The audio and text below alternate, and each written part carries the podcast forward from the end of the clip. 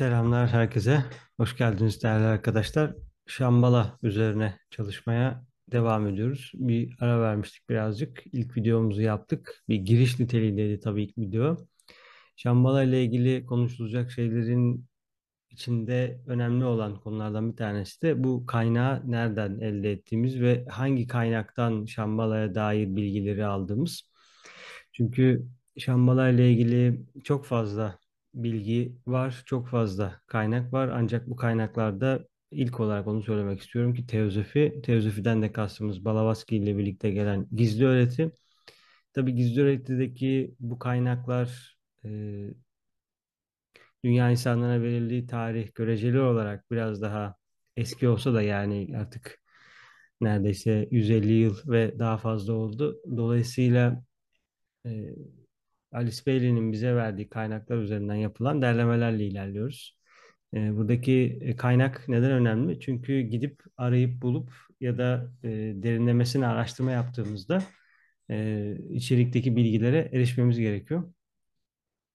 Çünkü öğrenci düzenli olarak araştıran, çalışmaları olan, kendi çalışmalarını takip eden özellikle bir yapısı vardır. Ve bu derlemelere göre, bu çalışmalara, araştırmalara göre bir çıkarım yapar, bir kanaat geliştirir ve der ki burada böyle oluyor ya da şöyle oluyor. Buradaki önem sırasına göre bu var, sonra bu var. Şimdi ilk girişte gördüğümüz bir e, diyagram, bir çizim ya da bir yerleştirme sırası söz konusu. Peki bunun böyle olup olmadığını nereden bileceğiz? Yani aktivite budalarının burada yer alıp ya da ikinci aktivite budası burada, diğer iki başka bir yerde ya da sentez avatarı burada, sanat kumarının merkezi orada, Manu aşağıda, e, Spirit of Peace burada, Mother of the World burada ve üçü birden sentez avatarının oluşacağı yer. Bunlar çok büyük e, argümanlar, çok büyük noktalar ama insanlık ailesi söz konusu olduğunda bizde bağlantılı yerler. O yüzden birazcık daha bu merkezlerin araştırılması, değerlendirilmesi ve sonrasında da bu sentezin yapılması gerekiyor. Çünkü e, biz bu merkezlerle doğal olarak bağlıyız. E, hiyerarşi denilen yapı da bu merkezlerle doğal olarak bağlı. O yüzden e, burada kastedilen şey ne? E, doğru kaynaklardan, daha doğrusu hiyerarşinin bize verdiği kaynaklardan e, bunları araştırıyoruz. Bu kaynakların hepsi e, Alice Bailey'nin Master DK ile birlikte çalıştığı 24 ciltlik eskimeyen bilgelik ya da ezoterik felsefe adı verdiği kitaplardan derlenmiş, çevrilmiş kaynaklardır. Bütün detaylar e, Lucistras'ın web sitesinde online kitaplar kısmında bulunabilir. Bu girişte kullanılan görsel Bodo'nun kitabından Şambala Anayasası cilt birden alınan bir kitap. Çünkü DK'nın kitaplarında, Master DK'nın kitaplarında böyle bir e, diyagram bulunmamakta. Bodo zaten yeşil kitaplarıyla birlikte e, Master DK'nın bize getirdiği anlamların e, ilerine e, dünya insanlığının öğrencilerin ihtiyacına yönelik yeni açılımlar, yeni değerlendirmelerde bulunuyor. Şimdi e, bir şeyin, bilginin bize gelebilmesi için farklı yollar var. Onlardan da bizim için en e, değerli olanlardan bir tanesi de bu bilgilerle yakınlaşmaya çalışmak. E, Şu anda çok bir şey gelmiyor bu bilgilerle. Çünkü her bir isimle ilgili, her bir varlığın e, bulunduğu yerle ilgili derinlemesine çalışmalar yapmak gerekiyor ki bu diyagram sonrasında bizlerle konuşsun. Ancak bu da vakit alan bir aktivite. O yüzden e, bunun çıktısını alıp odanıza koyduğunuzda ya da çalıştığınız alana koyduğunuzda buradan, bu yapıdan bir şekilde size bilgiler yavaş yavaş gelecektir. Evet, bu girişten sonra tekrar e, şimdi derlemelere başlayabiliriz. En önemli diyagramlardan bir tanesi değerli arkadaşlar. Şimdi bu e, diyagrama şöyle baktığınızda tabii benim görüntüm de burada şöyle bir yerde onu da şöyle alalım. Evet gördüğünüz gibi geçmiş, günümüz ve gelecek diye üçlü bir yapı oluşturulmuş burada. E, ve burada geçmişte Şambala tesirlerini direkt hiyerarşiye, hiyerarşi de tesirlerini direkt insanlık ailesine aktarıyordum. Ve gördüğünüz gibi Şambala'dan hiyerarşiye, hiyerarşiden insanlığa, insanlıktan da çok az bir şekilde bir tesir çıkışı oluyordu geçmişte. Şimdi günümüzde insanlık ailesinin üzerine direkt bir tesir ya da bir plan ya da bunların hissedilebilmesinin imkanı veriliyor. Bu bizim için büyük bir şans ve gizem konusu da aynı zamanda. Çünkü neyin hissedilebileceğini, neyin e, Şambala ile ilgili olduğunu, neyin hiyerarşi ile ilgili olduğunu ayrım yapmak çok kolay değil.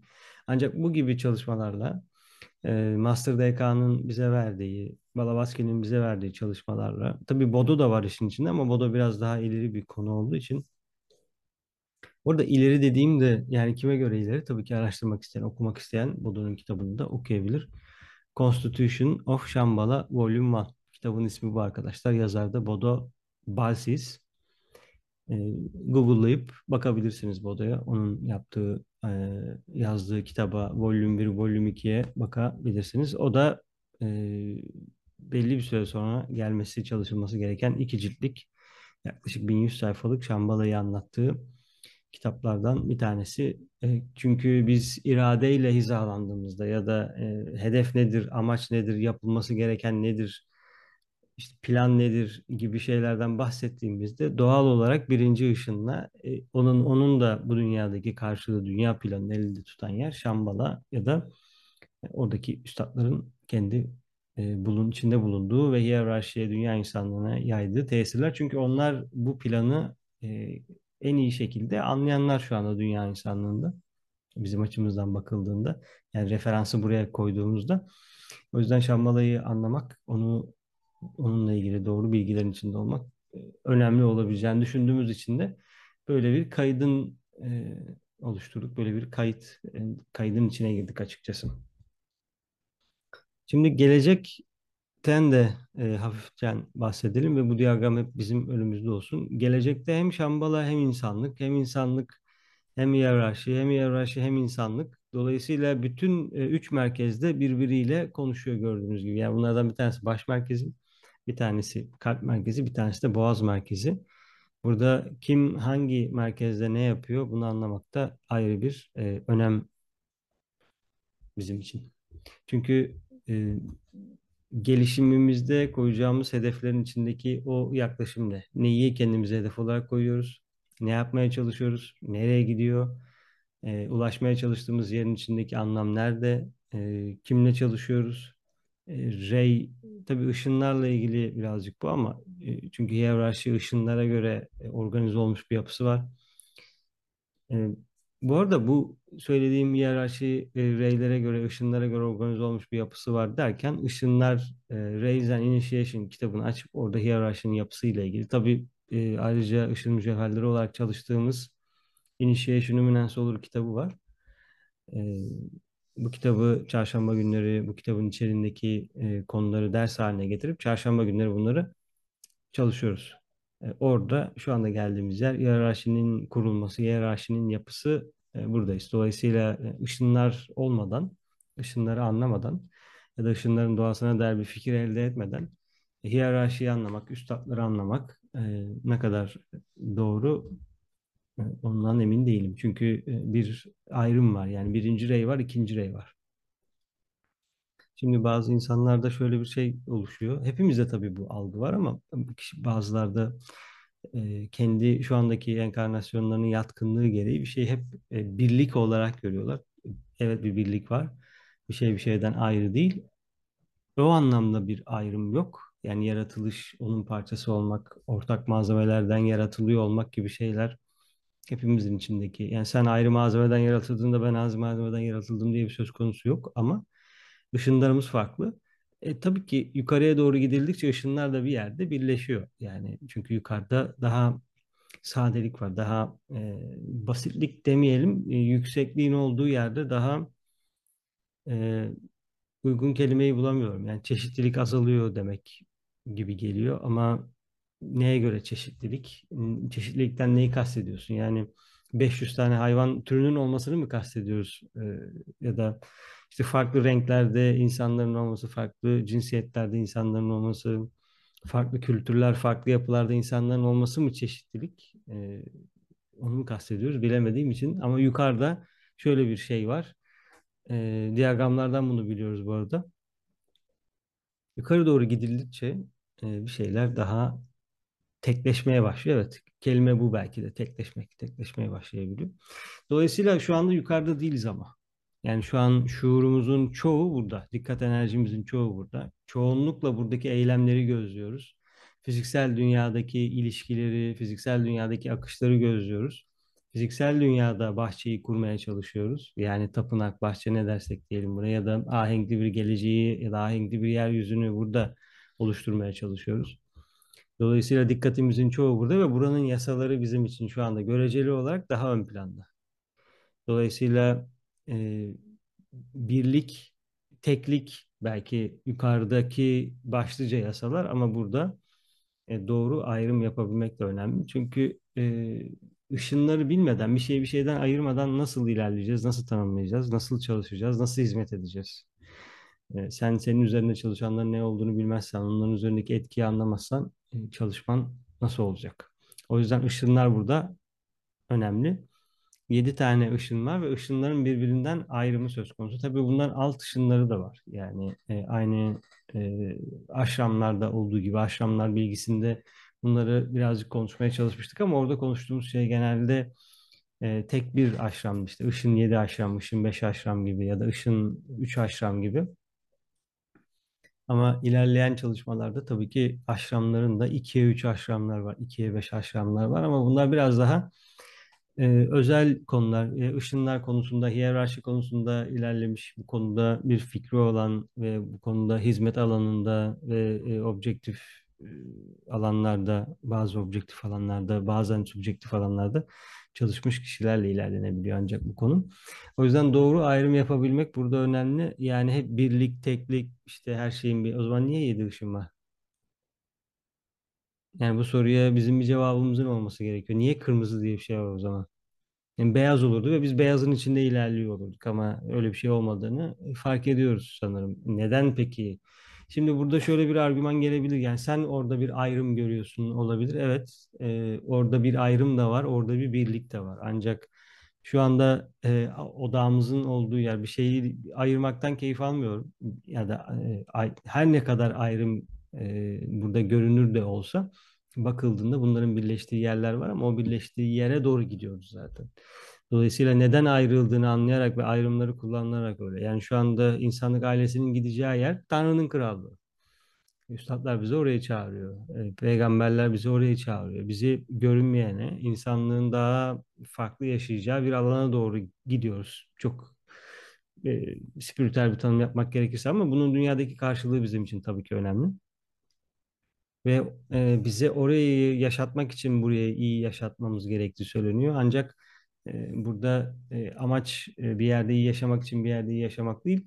Zaten sevgi kapasiten ilerledikçe ve kendini feda etmeye ya da feragat etmeye başladığında burada hizmet kapasitende gelişme oluyor ve orada mı iyi yaşarım, burada mı iyi yaşarım diye düşünmüyorsun. Öyle bir çıkarım yapmıyorsun. İyilik, kötülük, orada mısın, burada mısın gibi bir ben merkez ya da kendi benini oraya mı konumlandırıyorsun, buna buraya mı konumlandırıyorsun diye bir ayrım kalmıyor.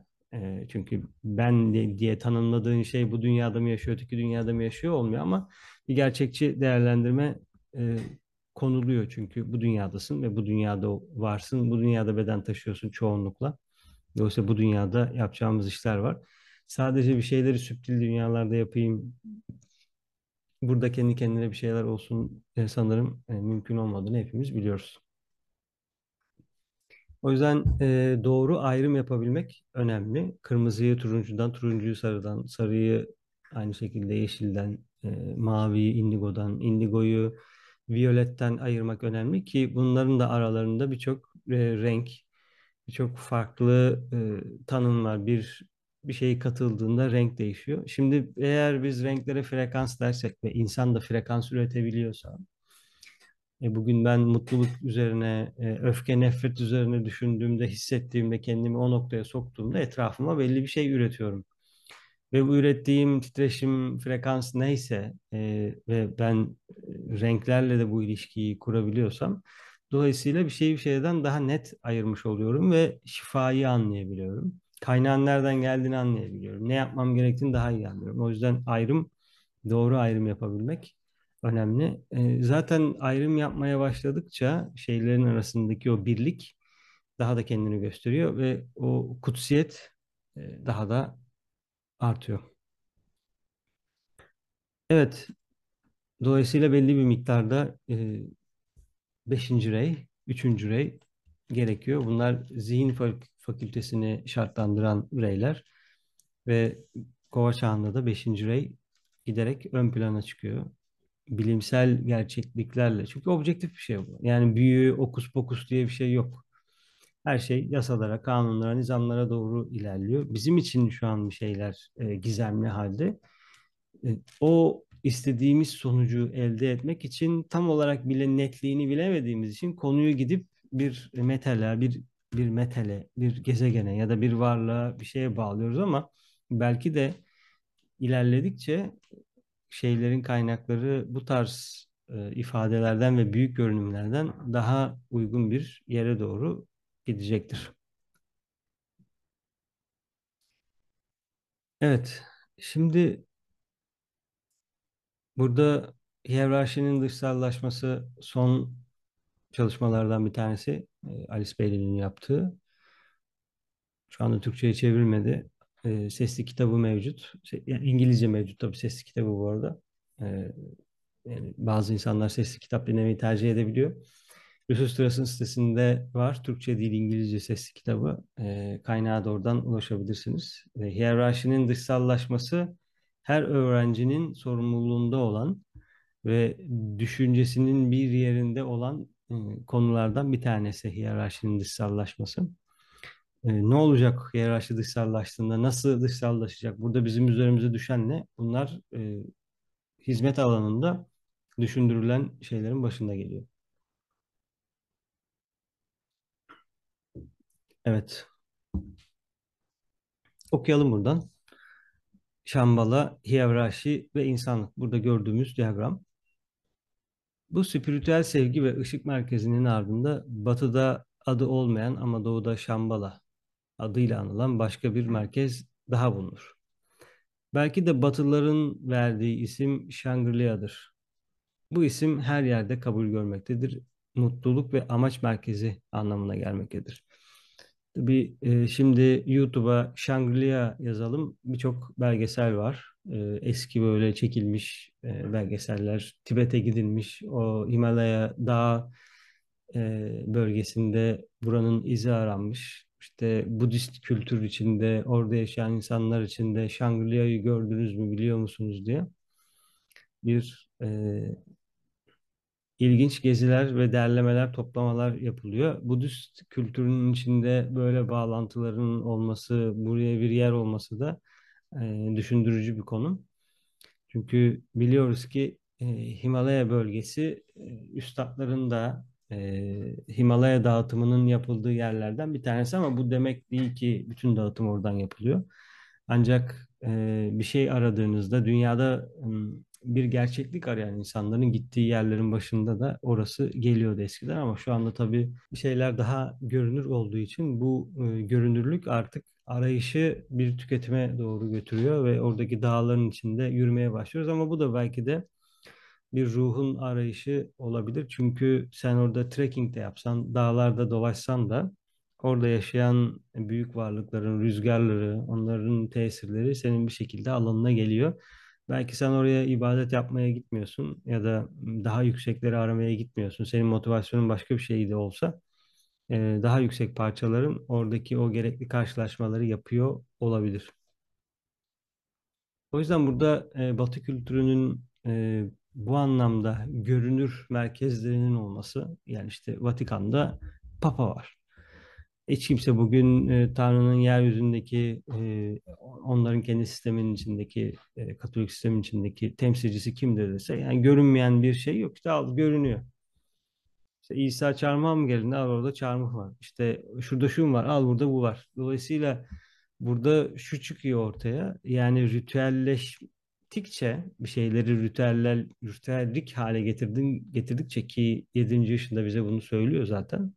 Bunu da bir şekilde de e, yapmak e, yapar haldeyiz. Daha da yapar hale geleceğiz. E, bir şeyler materyalize olmak durumunda kalıyor. Çünkü sen bir ritüel geliştirdiğinde bu ritüelin buradaki bir karşılığı olacak ve bu karşılığa uygun da maddeler toplaman lazım etrafa. İşte bu yağlar olabilir, buhurlar olabilir, tütsüler olabilir, reçineler olabilir çeşitli sesler, ses aletleri, enstrümanlar olabilir, çeşitli kıyafetler olabilir, sembolik anlamlar olabilir, mekanın geometrisi olabilir, işte bir giriş kapısı vardır, bir çıkış kapısı vardır ya da iki giriş kapısı vardır, bir çıkış kapısı vardır. Bu anlamların her birinin daha yüksek karşılıkları var. E, dolayısıyla bu daha yüksek karşılıkları için e, öyle mekan yapmak, konuyu daha ritüelik hale getirmek zaten e, bizim üzerimizde de çalışan e, tesirlerden bir tanesi. Zaten bunu da e, bir şekilde bize yaptırıyorlar farkında olmasak da daha da ritüelik hale geliyoruz. Şimdi burada ilginç olan Batı'nın bu materyalist yapısının e, ya da materyalizmle Batı'nın e, özdeşleşmesi, yakınlaşması onun ritüelist e, bir gelişiminden de belki de e, neden oluyor. Yani işte Papa fiziksel olarak orada. Biri söylüyor, diğeri seçiliyor. Biri söylüyor, diğeri seçiliyor. Sorun yok. Tanrı hep burada. Yani Tanrı olmazsa o var, o olmazsa o var gibi bir e, bir seçim yapıyorlar ki bu seçimde ilginç bir seçim. Yani neye göre seçiyor? Seni bir diğerinden ayıran ne? Yani papayı kardinalden ayıran ne? Kardinali diğerinden ayıran ne? E tabi bu onların sisteminde değil işte e, e, imamı e, müezzinden ayıran ne? Ya da e, bir şevhi, şeyhi e, diğerinden ayıran ne? Çünkü onlarda da title'lar var belki de böyle söylemek gerekirse işte Gauss diyebilirsin, Kutup diyebilirsin, e, ne bileyim işte kurtuluş makamı diyebilirsin, ışık gösteren, yol gösteren diyebilirsin. İyi de yani bu kim kime e, ne hangi ışığı gösteriyor, nasıl gösteriyor? Kim kime bu title veriyor? E, kim kime e, bu mevkileri, anlayışları veriyor? Bunlar da değerlendirilmesi gereken e, başlıklar. Dolayısıyla bu ritüelistik hale getirme konuyu e, bir şekilde seni materyal dünyaya getiriyor. E, o yüzden Shangri-La'nın doğuda fiziksel bir mekanı yok. O başka bir yerde. Tabii ki şimdi burada argümanlar olabilir. İşte şurada bir giriş kapısı var, burada giriş kapısı var, Gobi Çölü'nde var. İşte Latin Amerika'da bir yerlerde var. İşte şunun yani ıı, Şambala'nın bir yerinin olması, olmaması konumuz bu değil. Erişilebilir olması da bir konu değil. Çünkü başka bir anlayış var orada. Yani sen başka bir şeyin sonucuyla ancak oraya yakınlaşabiliyorsun. Tabii bu doğuda ritüel yok gibi bir anlama gelmemeli. E, doğuda da ritüeller var. Ancak en büyük merkezin görünür olmaması bir anlam taşıyor. Çünkü bu dünyadaki bir karşılığında gelinip bulunabilecek bir yer değil. Ancak başka türlü hallerle bulunabilecek bir şey. Ee, onun da ne olduğunu merak ediyorsa kişi bir yolculuğa çıkmalı. Ve bu yolculuk fiziksel yolculuk gibi gözükse de o fiziksel yolculuk alayı aracılığıyla sen başka bir aşamaya, başka bir yere doğru ilerliyorsun. Buradaki amaç zaten kişiyi oraya doğru ilerletmek. Tanrı'nın iradesinin odaklandığı ve onun ilahi amaçlarının yönlendirildiği yerdir. Şimdi bu çok büyük bir argüman arkadaşlar ve e, bunu nereye oturtacağımız e, her öğrencinin bir e, sorunu. Tanrı'nın iradesinin odaklandığı ve onun ilahi amaçlarının yönlendirildiği yerdir. Şimdi bu sizin Tanrı ile aranızdaki ya da Tanrı konsepti anlayışıyla onun iradesi mi var, onun sevgisi mi var, onun şuyu mu var, onun buyu mu var? Sonuçta hep bir teklik içinde gidiliyor ya bu. Hani işte tek. Ne demekse tek yani. Neyin tekliği? Nereden geliyor bu tek anlayışı? Yani dünyada tek bir şey var mı? Bir tekliğin oluşması ya da onun bizim anlayışımızda tek olarak verilmesinin nedeni ne? Neden böyle verilmiş? Ee, bunlar değerlendirilmesi gereken e, ilginç argümanlar ama E, bu öğretinin içinde yani Alice Bailey ve Master DK'nın verdiği öğretinin içinde Şambala ilahi irade merkezi olarak e, gezegenimizin irade merkezinin orada duruyor. Tıpkı dini hareketlerin, kültürel açılımların ve spiritüel fikirlerin sevgi ve ışığın hiyerarşik merkezler merkezinden gönderilmesi gibi büyük siyasi hareketler, ırkların ve ulusların kaderi ve ilerlemeleri de buradan belirlenir. Evet bu tamamen bir baş merkezinin e, karşılığını bize anlatıyor. Aslında bu günlük hayattaki değişlerde de böyle. Hani başa geçmek denilen tabir vardır ya. Çünkü başa geçtiğinde karar da vermeye, karar almaya, e, değerlendirmeler yapmaya, fikirler vermeye e, ve kaderler üzerinde, daha büyük anlayışlar üzerinde bir şeyler oluşturmaya başlıyorsun. Aslında burada da anladığımız gibi bu bir baş merkezi spiritüel fikirlerin, sevgi ve ışığın hiyerarşik merkezden gönderilmesi gibi büyük siyasi hareketler, ırkların ve ulusların kaderi ilerlemede buradan belirlenir. Dolayısıyla bakıyoruz ki birinci reyin en önemli görevi bu kültürümüzü ne kadar çok şartlandırıyor. Dolayısıyla bir şeyi şimdi ayrım yapabilmeye başlıyoruz. Evet yani bu siyasi hareketler, ırkların, ulusların kaderi ilerlemeleri birinci rey ile çok yakından ilgili bir konu. E, hatırlarsınız e, hiyerarşi e, videolarımızda birinci reyin e, ulusların siyasi ve e, bütün ezoterik kardeşliklerin başında olan kişinin e, Master Moria olduğu söyleniyordu ve Master Moria birinci rey bir üstad ya da birinci reyde çalışan bir üstad.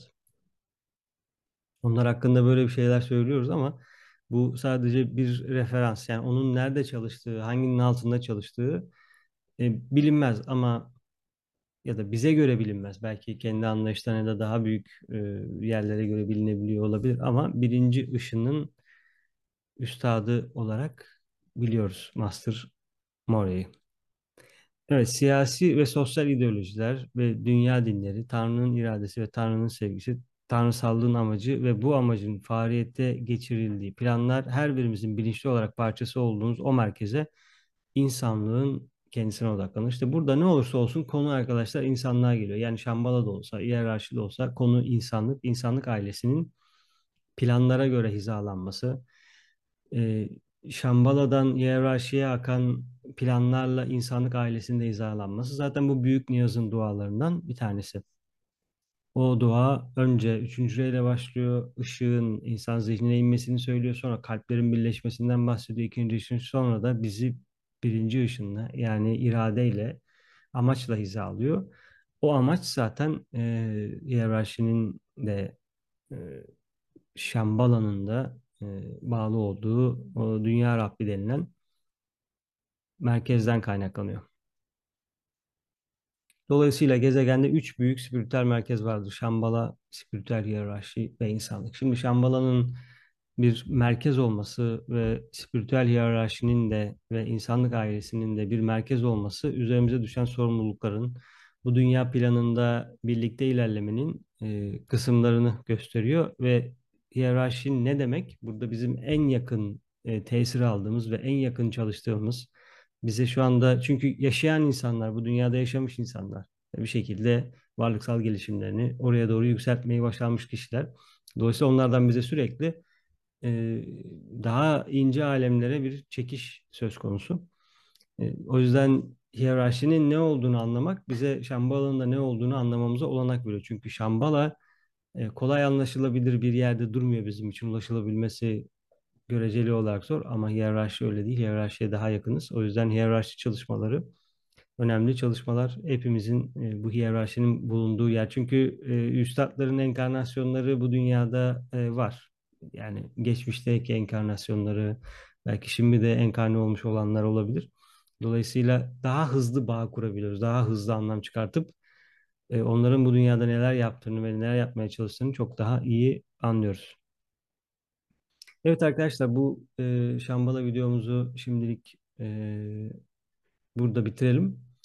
E, bu metni okumaya, üzerinde çalışmaya devam edeceğiz. E, çalışmalar devam edecek. E, bunu bir kitapçık halinde de e, çıkartıp yayınlarımız arasına koymayı da planlıyoruz. Teşekkürler bu oturumda bizle birlikte olduğunuz için. Sorularınız varsa bize iletebilirsiniz. Hep birlikte onları değerlendirmeye çalışırız. Bir sonraki videoda görüşmek üzere. Hoşça kalın.